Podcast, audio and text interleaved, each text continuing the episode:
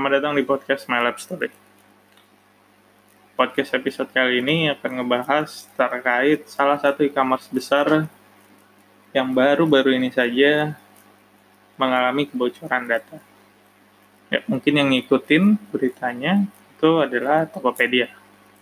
E-commerce yang umumnya tampilannya warna hijau dengan maskot burung yang bentuknya kayak kantong belanjaan seperti itu ya siapa sih yang nggak tahu Tokopedia bahkan hampir pendengar podcast di sini bahkan saya termaksud adalah pengguna Tokopedia. Nah apalagi di zaman-zaman bukan zaman masa sekarang ini yang lagi WFA dan PSBB kita dituntut kerja dari rumah umumnya kita buat menghilangkan bosan ngelakuin belanja online. Nah yang mengejutkan Eh, terjadi kebocoran data pengguna, jadi data-data kita yang di Tokopedia itu bocor atau tersebar luas di internet. Nah, jadi uh, hal ini pertama kali itu muncul lewat Twitter. Jadi pertama kali ditahu atau diketahui publik kalau kebocoran ini adalah lewat salah satu akun namanya Under the Bridge tanggal 2 Mei itu ngeposting kalau ada seorang hacker seorang hacker yang mengaku memiliki data pengguna Tokopedia yang diambil dari dalam database Tokopedia pada bulan Maret 2020. Nah, jadi dia punya data kita sebagai pengguna Tokopedia yang diambilnya dengan cara ilegal pastinya hacking pada bulan Maret 2020. Nah, data ini isinya ada data email, password, passwordnya di hash, nama, dan ada nomor telepon juga. Nah, di forum tersebut, si hacker memberikan 15 juta data user ini secara gratis, nggak dijual, dengan tujuan membantu dia memecahkan password hash yang ada dalam data tersebut. Nah, password hash itu apa? Jadi gini, di dalam database, umumnya data kita itu, data password kita nggak disimpan dalam bentuk plain text.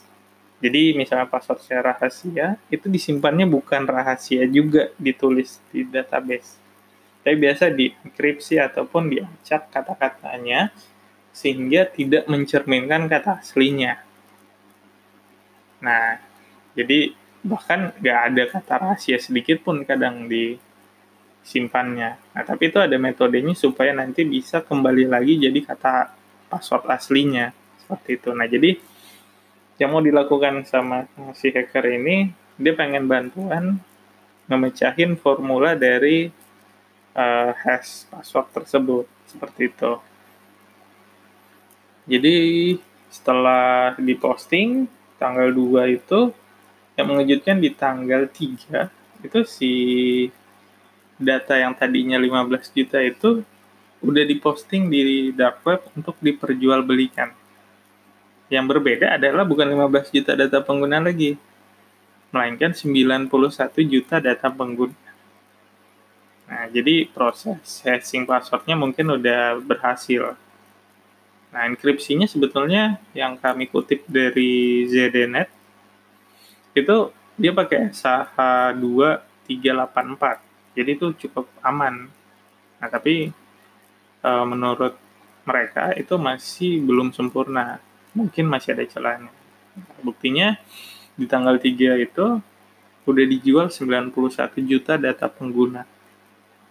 Nah, harganya 5000 US dollar atau setara dengan 0,5 sekian Bitcoin.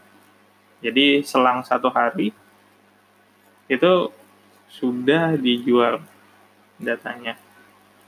Oke, sekarang data udah terjual, kita sebagai pengguna pasti uh, banyak reaksi yang beda-beda. Yang paling pengen saya bahas kali ini adalah uh, beberapa orang yang merasa dirinya tetap aman dan tidak mempedulikan kebocoran datanya. Jadi ada yang beranggapan akun Tokopedia saya nggak ada isinya kok, atau akun Tokopedia saya nggak punya aktivitas apa-apa, ya kalau mau diambil ya silakan aja. Saya tinggal buat akun baru lagi, nah, atau dan sebagainya. Yang pengen dibahas adalah di sini yang bocor adalah email juga termaksud, nomor handphone juga, dan password. Umumnya, atau mungkin beberapa orang, apalagi orang yang awam atau yang tidak terlalu kuat ingatannya, memiliki satu email yang sama yang dipakai untuk akun-akun lainnya baik Tokopedia, akun Facebook, sosial media lainnya atau bahkan didaftarkan untuk internet banking atau mobile banking. Email buat belanja online sama email bank itu sama yang lebih parah lagi mungkin passwordnya sama. Jadi password Tokopedia saya rahasia. Password uh, akun virtual uh, sorry uh, mobile banking saya juga rahasia. Dan emailnya pun parahnya juga pakai email yang sama. Nah yang kalau kalian seperti itu disarankan langsung ganti. Langsung ganti password kalian, uh, email kalian itu ditambahkan pengamanan yang lain, pakai OTP dan sejenisnya. Nah, jadi ada tiga saran yang kita mau kasih tahu buat kalian terkait kasus ini. Pertama, sekarang juga kalau belum, lakukan ganti password.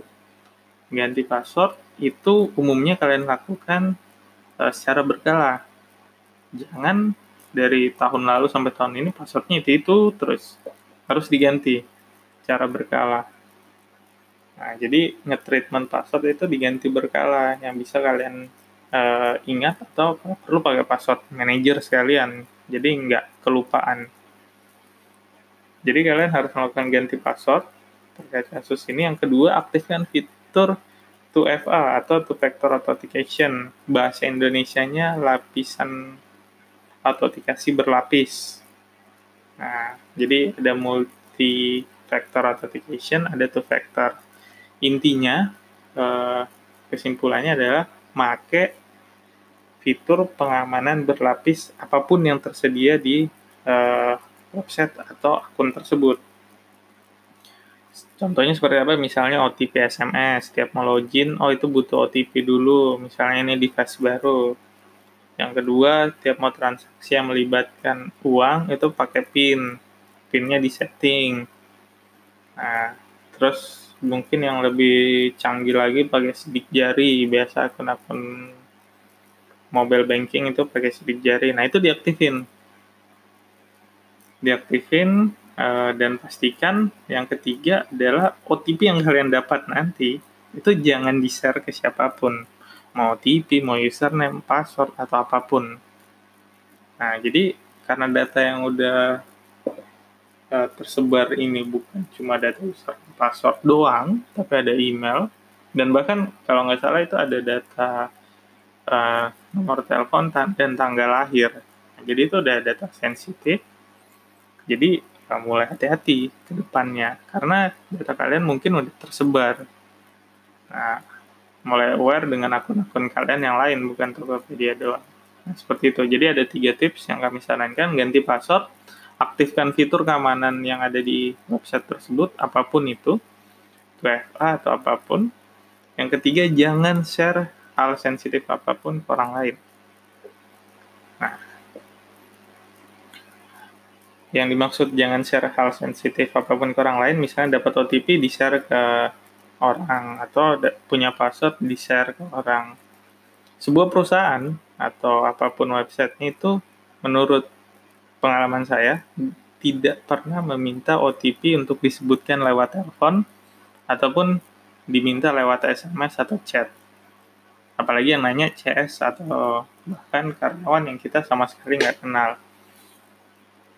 Seharusnya dan umumnya OTP itu hanya diinputkan oleh user sendiri ke halaman aplikasi langsung, tidak diwakilkan atau bahkan diberitahukan. Nah, eh, ada beberapa cara kalau kalian mau tahu kalian terdampak nggak kasus Tokopedia ini, atau email kalian itu ke-publish nggak di database yang 91 juta data pengguna itu. Nah, kalian bisa akses monitor.firefox.com. Itu dari Firefox, kalian bisa tulis nanti email kalian yang kalian gunakan di Tokopedia atau email yang pengen kalian tahu terkait kasus Tokopedia ini. Nah, itu bakal muncul. Uh, seperti di artikel kita udah posting contohnya, saya pakai email saya sendiri. Email saya itu tidak terkait ke 91 juta data pengguna yang dikasuskan kali ini. Jadi nggak bocor. Nah, tapi bocornya itu di kasus Bukalapak tahun 2019 kemarin. Cuma pas kejadian Bukalapak itu, saya udah emang ganti password. Dan OTP ataupun 2FA itu selalu hidup. Nah, jadi aman. Nah, so, uh, untuk kali ini itu aja yang mau di-share. Selalu langsung ganti password kalian, jangan tunggu apa pun lagi, nggak perlu cek dulu, ganti aja dulu. Nah, karena mungkin kalian nggak rutin gantinya. Apa aktifin, jangan share hal sensitif ke orang lain.